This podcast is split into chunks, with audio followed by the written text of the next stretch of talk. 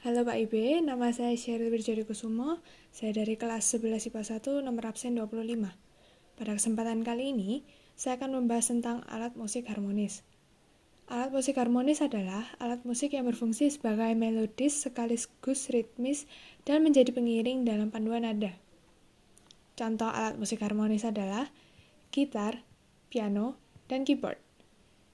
Teknik, teknik yang digunakan juga hampir sama dengan alat musik melodis. Memainkan musik dalam grup disebut juga sebagai ensemble. Tipe ensemble ada tiga, yaitu ensemble sejenis, campuran, dan orkestra. Dalam ensemble sejenis ada ensemble perkusi, ensemble tiup, dan ensemble gesek. Ensemble perkusi seperti rampak gendang, rebana, drum band, marching band, gendang, dan lain-lainnya. Dalam drum band ada snare drum, drum tenor, drum bass, dan sambal. Teknik dalam drum band adalah single stroke dan double stroke. Dalam ensemble tiup, terdiri atas recorder, flute, trompet, saxophone, trombon, clarinet, oboe, dan French horn.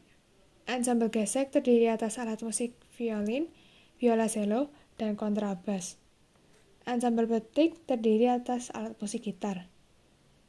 Ada dua jenis gitar yaitu gitar morisca sebagai pembawa melodi dan gitar latina untuk memainkan ator.